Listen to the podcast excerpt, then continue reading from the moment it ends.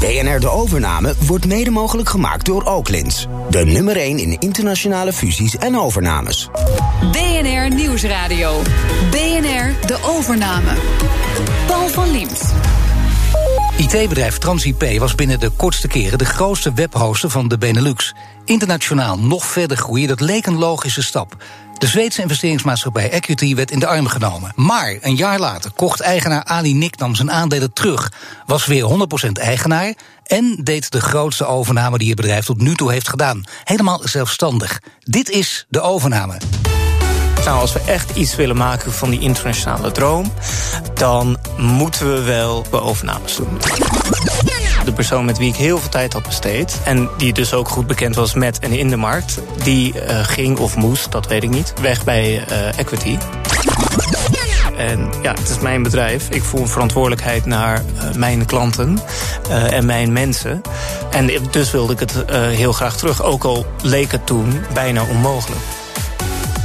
Welkom Ali. Ali Niknam, de grote man achter Bunkbank, maar ook eigenaar van TransIP. En je begon TransIP, voor de mensen die dat niet weten, toen je 21 was. Je studeerde technische informatica aan de TU in Delft. Uh, veel andere studenten denken, nou, ga naar buiten kijken, de studentenleven ontdekken. Maar jij niet. Waarom wilde je per se ondernemen?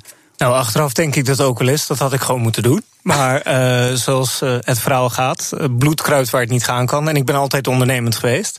En ik heb bovendien altijd een voorliefde gehad voor techniek. En in die tijd, al heel lang geleden, ik heb inmiddels grijze haren.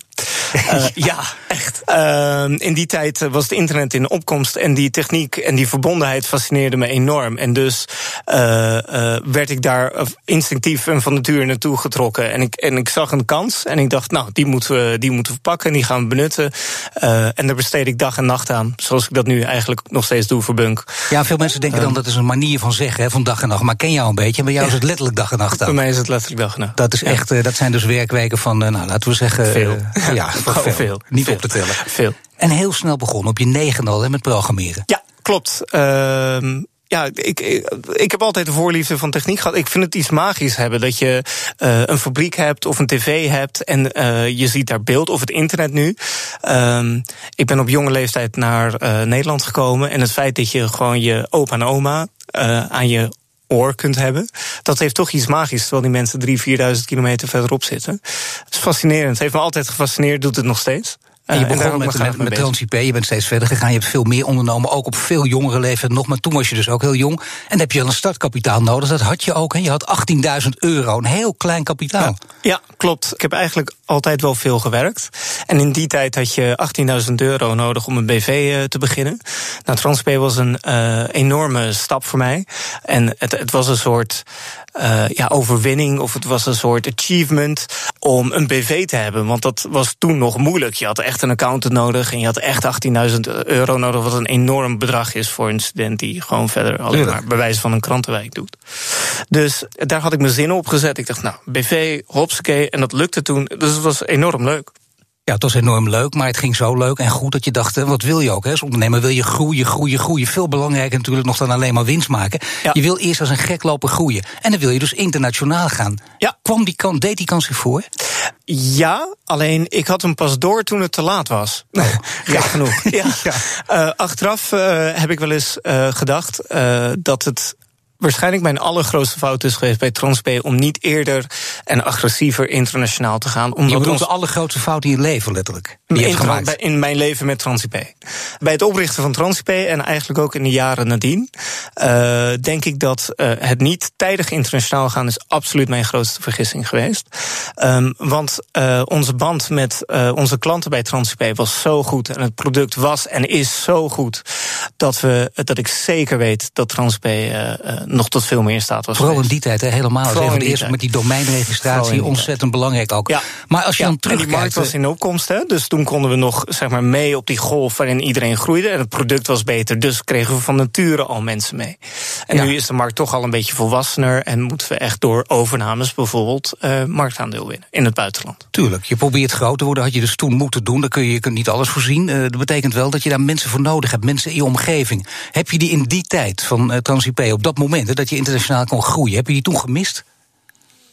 Uh, nou, in, zekere zin, in, in, in, zekere zin wel, want anders had ik ze, anders uh, had ik er zeer waarschijnlijk naar geluisterd. Dan had ik het gedaan. Maar goed, om enig, niet om mijn eigen straatje schoon te vegen, maar enige context is dat ik in die tijd 24 was, er een studie naast deed en uh, het al mooi genoeg vond dat we de salarissen van de eerste medewerkers konden betalen. Want dat was ook al heel spannend, die verantwoordelijkheid aangaan.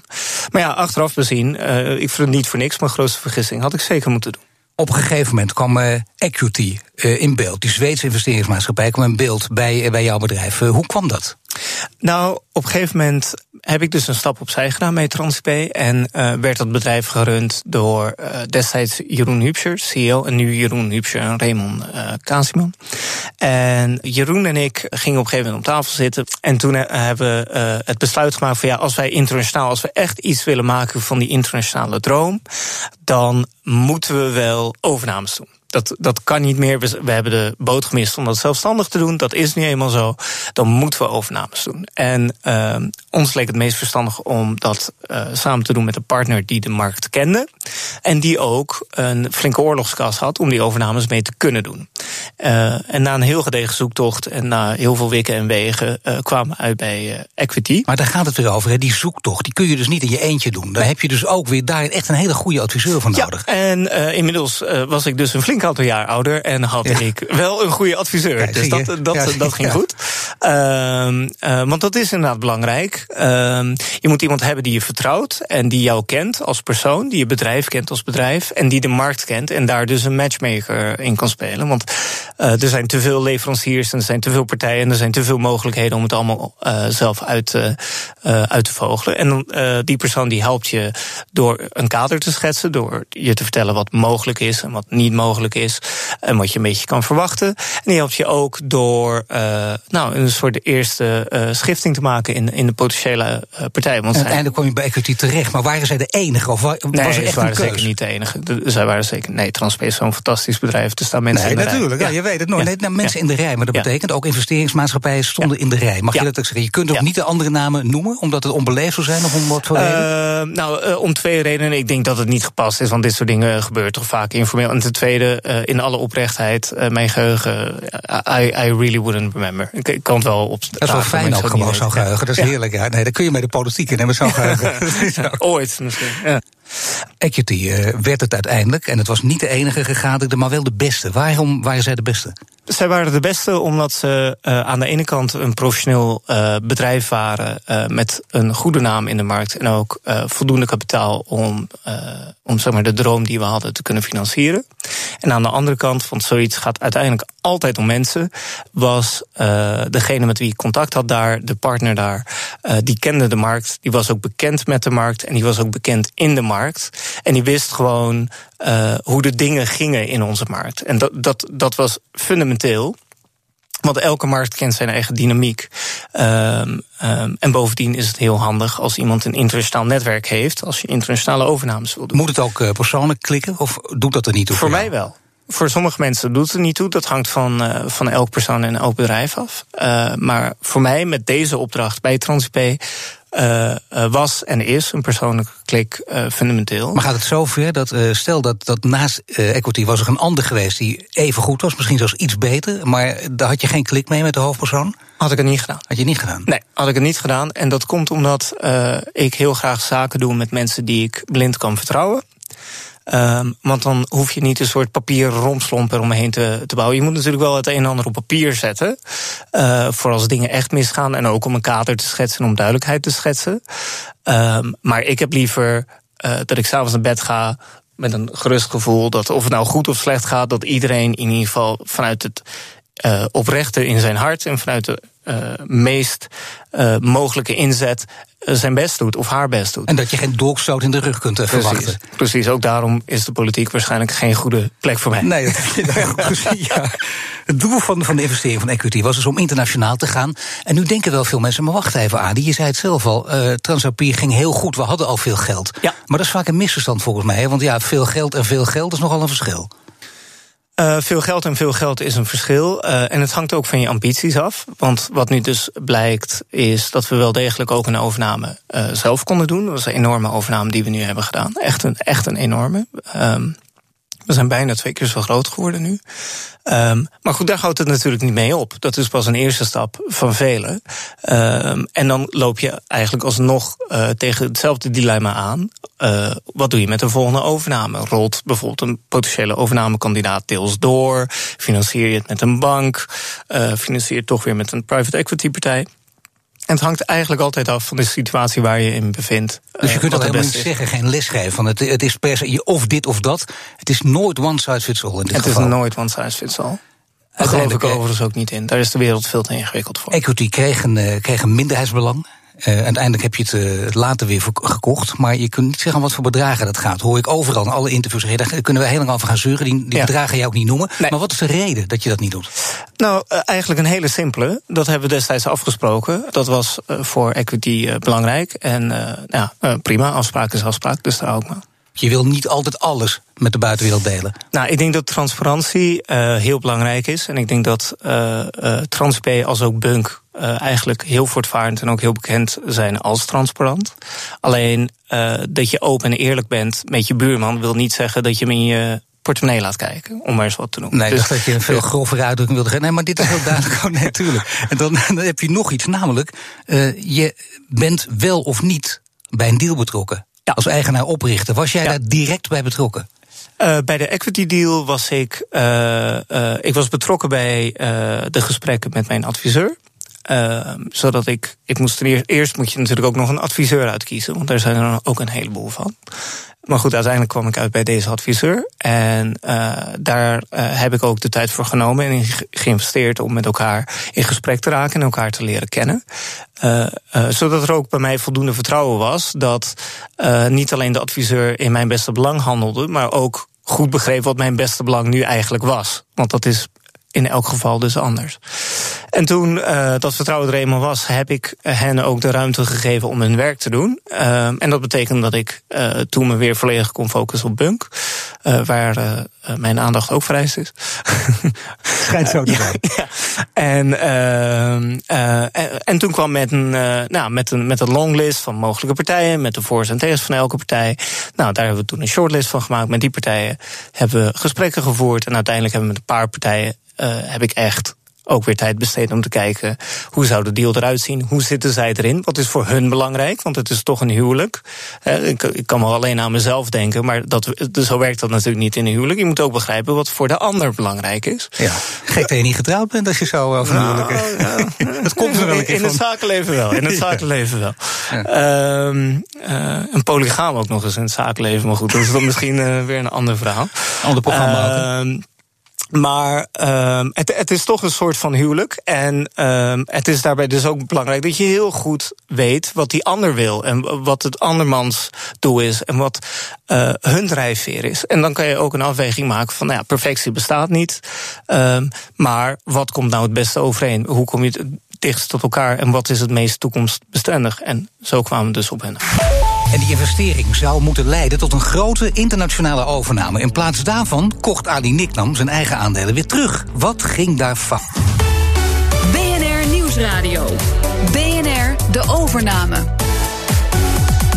Dit is de overname. De gast is Ali Niknam, eigenaar van TransIP, van Bunkbank en de Data Center Group. Ja, je hostingbedrijf eh, TransIP. Ze hebben een deal sluiten dus met investeringsmaatschappij Equity... dat een minderheidsaandeel in TransIP wilde kopen. Daar hadden we het net over. Uiteindelijk het doel, een grote internationale overname. Maar op een gegeven moment uh, komt er ook twijfel over de verkoop van aandelen. Wanneer ging die twijfel toeslaan?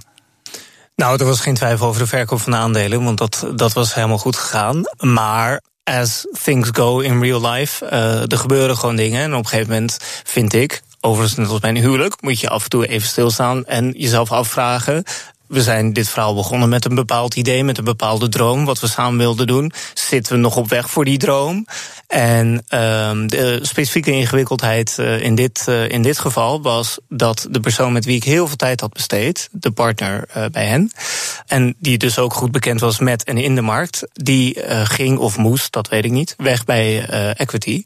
En dus viel daar voor mij een belangrijke pijler weg, waarom ik juist voor hen had gekozen. Dus dan kan dat het moment zijn, dat bedoel ik ook eigenlijk, dat je denkt, ik wil toch niet tekenen. Ja, maar dan is er al getekend. Maar wanneer hoorde je dit? Hoorde je dit net na het tekenen of net ja, voor het tekenen? Ja, echt net, net voor het tekenen. Maar, Maar wat wel is net voor? Dat is echt, een paar minuten ervoor. Ja, ja, dat eh, verdiende niet de schoonheidsprijs. Maar jongen. ja, nou, wat ik zeg, de ding, eh, ik weet ook niet wat er speelde en wat erachter zat. En, zo. en dingen kunnen, door iemand kan ook onder de tram lopen. Dus dingen kunnen altijd gebeuren. Ja. Nee, maar het is wel zo dat je, dat je, dat is heel kort van tevoren. Dat is heel kort van tevoren. Nee, maar kijk, weet je, tekenen is natuurlijk eh, op een gegeven moment een formaliteit. Dus het was al aangekondigd en de dingen liepen al en dat soort zaken. En het was een paar minuten voor het, voor tekenen. En, eh, maar het was wel vervelend. Maar goed, ja. Van wie kwam het idee om het bedrijf terug te kopen? Van, van de toenmalige CEO, eh, van jouzelf als eigenaar? Nou, we hebben het toen een paar maanden eh, eh, aangezien, omdat ja, je stapt net in het huwelijksbootje, weet je wel. Misschien komt het alsnog goed, misschien komt er nog een betere partner die nog bekender is met de markt en nog meer weet. Of misschien komt er een andere angle, misschien kan je samen een nieuwe droom vinden. Dus we hebben het wederzijds overigens, niet alleen wij, maar ook zij. We hebben het wederzijds wel echt geprobeerd. Maar op een gegeven moment kwamen we tot de conclusie dat het niet echt werkte. En dan, eh, ja, dan is het dus of linksaf, namelijk eh, de aandelen terug eh, naar mij. zeker Maar wat, wat, wat is niet echt werken? Nou, niet echt werken is dat je allebei in een andere droom gelooft. Dus als je vraagt van wat is je favoriete vakantiebestemming... en de ene zegt Azië en de ander zegt Zuid-Amerika... dan kan je niet echt tot een compromis komen van... dan gaan we maar naar Afrika, want dat, zo werkt dat gewoon niet. Nee, maar zou je het in dit geval kunnen vertellen wat hier precies speelde? Of is het een te ingewikkeld en te lang verhaal voor nu? Uh, het, is een, het is een te ingewikkeld en te lang verhaal. En dat heeft te maken met de overnamepartners en de strategie erachter. En wie we wel wilden doen en wie niet. En welke landen en wiens netwerk en, et cetera, et cetera, et cetera. En ook, Maar uiteindelijk besloot jij, ik wil het terugkopen. nou, uiteindelijk besloten we dat het in ieder geval niet meer ging. En ja, het is mijn bedrijf. Ik voel een verantwoordelijkheid naar uh, mijn klanten uh, en mijn mensen. En dus wilde ik het uh, heel graag terug. Ook al leek het toen bijna onmogelijk, omdat het natuurlijk om enorme bedragen ging. Nou ja, en je had natuurlijk een bedrag besteed en daarna ja. moet je terugkopen. En dan ja. leid je, net als in de voetbalwereld, het beste voorbeeld denk ik ook altijd verlies in zo'n geval. Ja, en, veel verlies ook. En dan gaat het, die, die getallen zijn altijd ingewikkeld. Ik ben het volledig ja. met je eens, maar in dit ja. geval kun je het wel vergelijken. Zou je ja. niet voor één keer gauw even kunnen zeggen... nou kijk, ik heb het voor zoveel uh, verkocht en daarna voor zoveel teruggekocht? Uh, nee. bijna toch, hè? Ja. Bijna ging je zo ver? Ja, bijna. En waarom doe je dat niet? Omdat het ook afspraken nee, maar zijn? Dat is gewoon een afspraak. En dat is denk ik ook uh, voor dit verhaal verder niet relevant. Maar ja, dat het, dat het echt heel veel geld heeft gekost... dat, uh, dat, wil, ik, uh, dat wil ik graag toegeven. Maar dus betekent ook dat het heel belangrijk voor je is geweest. Want je ja. denkt, ik betaal er nu veel meer voor. Ja. Zeker gezichtsverlies kan het ook zijn. In ieder geval financieel verlies. Ja. Maar dat incasseer je dan. Want met het oog op de toekomst moest je dit doen. Ja, want uh, wat ik zeg, ik vond het heel belangrijk. Er begonnen ook wat uh, veranderingen te plaats te vinden in de personele sfeer. En dat, dat wilde ik niet. Ik wil die mensen zijn als familie voor me. We werken al heel lang samen. En ik voel me verantwoordelijk voor die mensen. Dus uh, dat moest terug. In dit soort overnamestrijden aan, die hebben mensen altijd te maken natuurlijk met. Dat, is een stressvolle periode. Ja. Dat hoort er ook bij en dat is ook Ja. lekker trouwens, maar het moet niet te veel worden. Daarbij werk je sowieso altijd keihard. Ja. Wie heb je om je heen? Wie steunt je zo'n periode? Uh, nou, ik, ik vind dus heel veel steun. Uh, in dit geval, het hangt een beetje van de situatie af, maar in dit geval uh, vond en vind ik heel veel steun bij uh, de oude garde van TransIP. De mensen met wie ik het bedrijf heb opgebouwd en die het bedrijf nu runnen. Dat is dus Jeroen Hupscher, Raymond Kasieman, maar ook mensen als uh, Reinier Schoof of Sepa, zoals zijn bijnaam is, Stefan. nou, ik- nu noem ik er natuurlijk twintig niet, dus voel ik me een beetje lucht en overstaande van al die anderen. Maar jongens, Nee, maar echt een groep mensen die, die heel overigens. dicht Ja. bij je staat. Het is niet zomaar van dat je zo, zijn collega's, gaat veel verder dit. Het, het gaat veel verder en um, ik denk dat er een wederzijds uh, uh, band is. Uh, die is opgebouwd door de jaren heen. Omdat we ook in elkaar investeren als mens. Er wordt wel vaak geroepen, in dit soort situaties is het toch handig als je even afstand kan nemen. Dat kan bijvoorbeeld met een, met een gezin. Ja. Of met, een- met, een, met een vriend of, uh, of een vriendin. Of Ja. kinderen of geen kinderen. Ja. Je, je hebt niet zo'n persoonlijke situatie. Nou, voor mij is het heel makkelijk afstand nemen van TransB. Want ik hoef me kont maar te keren. En er staat een enorm leuk bedrijf dat heet Bunk. En dat eist dan dus mijn aandacht op. En dan kan ik gerust ergens anders aan denken wat ook belangrijk is. Dus dat was in dit geval geen probleem. Nee, Ehm, maar het is wel lekker dat je geen privéleven hebt. dat scheelt een stuk nou. Ik heb zeker wel een privéleven, Paul. Hé, hey, maar vertel. Nee, natuurlijk. Ik ben ook maar een mens. Ik heb vrienden, ik heb vrije tijd, ik heb vakantie. Ik heb uh, ook dingen die ik heel graag doe. Ik heb sport. Toch? Uh, ja. Ja, zeker. Nou ja, je hebt nog iets. Je hebt namelijk, eh, kijk, en dat, dat, lees ik in oude interviews van jou. Dan moet je heel erg oppassen wat wel en niet waar is. Maar dit zijn interviews die ik volgens mij wel kan vertrouwen. Waarin staat dat eigenzinnigheid. Dat het een belangrijke eigenschap voor jou is. Je wordt soms ook een excentrieke ondernemer genoemd. Maar dat kan je ook redden, die eigenzinnigheid. Ik herinner me één zinnetje. Uh, je hebt geleerd op school, uh, op, op de universiteit zelfs ook. Dat middelmatigheid, uh, tekst van jou, hè. Ik veracht middelmatigheid. Ja. Nou, dat ja. kan je ook redden. Dat je denkt, ja, wacht even. Ik wil alleen met hele goede mensen werken. En als dat misgaat, dan gaat het een keertje mis. Ja, precies. Ik vind het helemaal niet erg als we dingen proberen en ze lukken wel of ze lukken niet. Natuurlijk gaan we ervoor dat het lukt. Maar ja, uh, uh, je kan nooit leren fietsen zonder een keer te vallen. Of zonder vaak te vallen zelfs. Dus ja. ik ben daar niet zo spastisch over. Maar wat voor mij wel belangrijk is, is dat je dat dan met mensen doet waar je in vertrouwt en waar je fijn mee voelt en waarvan je de overtuiging hebt dat dat de juiste mensen zijn voor die taak. En als, als jij dan... herkent dat ze middelmatig zijn, en ik vond je gaf een goed voorbeeld van dat leer je op school eigenlijk al. Groepjes van vijf moeten iets een werkstuk maken. Heb je altijd twee bij, die doen hun best, doen het goed. Ja. En die drie die hangen er een beetje bij. Ja. En dat kom je ook weer tegen in het dagelijks leven. Dat kom je zeker weer tegen in het dagelijks leven. Alleen het grappige is dus dat niemand is perfect overal in. Dus als je een topgolfer wilt hebben, nou weet ik niet waarom ik golf erbij haal, want ik weet niet meer hoe die uh, gast. Tyler, hoe heet hij ook weer? Of, Tiger Woods. Tiger Woods? Ja, ja, Tiger Woods. Zeker. Nou, als je Tiger Woods op een basketbalveld neerzet, dan is hij niet per se de allerbeste basketballer. Nee, Formule dus, 1 wagen moet je hem ook niet inzetten. Precies, nee. dus the right person for the right job. En uh, daar geloof ik gewoon heel erg in. Um, en ik geloof er dus ook niet zo in om mensen die heel erg goed zijn in het een, even nog los van een soort allesbeschouwende middelmatigheid of niet. Maar je hebt best wat mensen die heel goed zijn in het een, maar niet heel goed in een ander. Dus kortom, als je een bepaald doel probeert te bereiken, probeer ik altijd mensen om me heen te verzamelen waarvan ik overtuigd ben dat dat de beste mensen zijn voor die, voor die klus en voor die taak. En als ik naar TransIP kijk, dan denk ik dat we uh, zo'n beetje het allerbeste uh, tech-team hebben uh, in Nederland. En dat we operationeel dingen heel goed op orde hebben. En dat we het klantbelang heel goed op orde hebben. En ook weer veel groter geworden. En nu en is ook, ook veel Eternity overgenomen. Ja. Daarmee twee keer zo groot geworden. Ja. Is dat voor jou ook weer een extra bewijs om te zeggen: heel goed dat ik het heb teruggekocht, anders had ik dit nooit kunnen doen? Ja, Oh, dat is een kort antwoord. Nou, ja. Makkelijk. Nou, dat mag. Dan, moet, dan moet ik een lastige vraag daarna even bedenken. Bijvoorbeeld, uh, is het ook waar dat je al dit geld dat je met TransIP verdient, stopt in Bunk? Want dat is je grote droom, hè? De nieuwe bank. Ja, uh, dat klopt ook. Uh, sinds de overname uh, gaat er natuurlijk ook weer een heel groot deel van het geld terug TransIP in. Maar dat, dat klopt wel. Dus ik, ik hou er geen grote boten of andere dingen op na. Nee, maar het aardige vind ik ook wel. Dat, dan krijg je ook af en toe vragen voorgelegd die ik zelf eerder gezegd ook nooit zou begrijpen. Bijna boos aan boos worden ze tegen je. Dan wordt er gezegd: hoe kan het nou? Daarmee hou je die bank in leven. Wat geeft dat? Het zijn allebei bedrijven van jou en het is een lange termijn droom. Maar hoe lang kan die droom duren om op deze manier, via deze constructie, de droom levend te houden? Zolang als nodig is.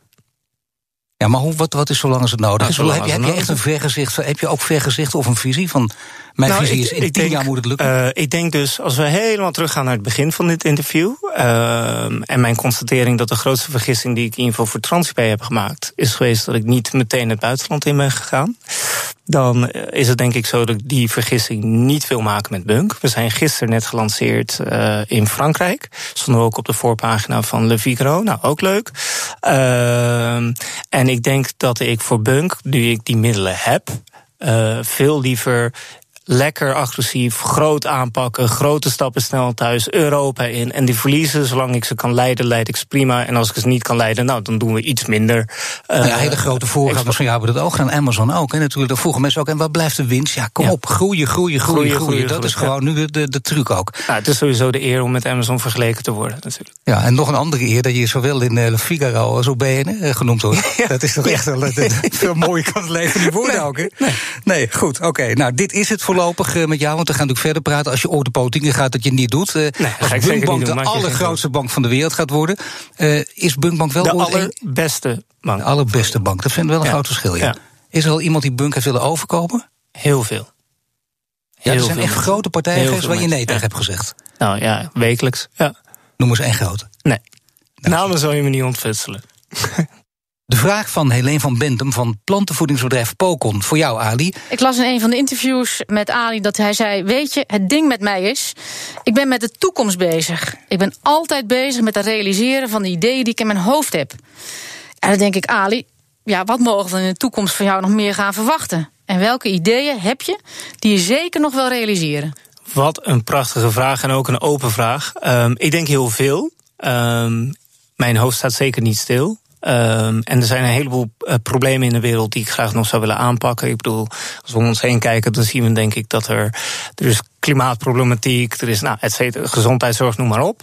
Maar op dit moment uh, focus ik al mijn aandacht op uh, Bunk. En ik wil heel graag van Bunk voor de komende jaren een groot succes maken. Dus een groot succesvol bunk mag je van me verwachten. Onze volgende gast is Floris van der Broek. Hij is CEO van het antivirus softwarebedrijf Red Sox. En dat bedrijf is overgenomen door het Roemeense Bitdefender. Welke vraag wil jij aan hem stellen? Ik vind het heel erg mooi dat Roemenen die bekend staan om een technisch vernuft, als het aankomt bijvoorbeeld op geldautomaten, nu een beveiligingsbedrijf overnemen. En ik zou eigenlijk gewoon willen weten, hoe is dat nou? Hoe is het om met Roemenen samen te werken? Dank je voor dit gesprek, Adi. Dit was de overname. De uitzending is terug te luisteren via bnr.nl slash overname... de BNR-app of stream ons via iTunes of Spotify. Volgende week weer een overname. Dan is dus de gast Floris van den Broek, CEO van Red Sox. Hij is sinds afgelopen herfst onderdeel van het Roemeense Bit Defender. BNR De Overname wordt mede mogelijk gemaakt door Oaklins. De nummer 1 in internationale fusies en overnames.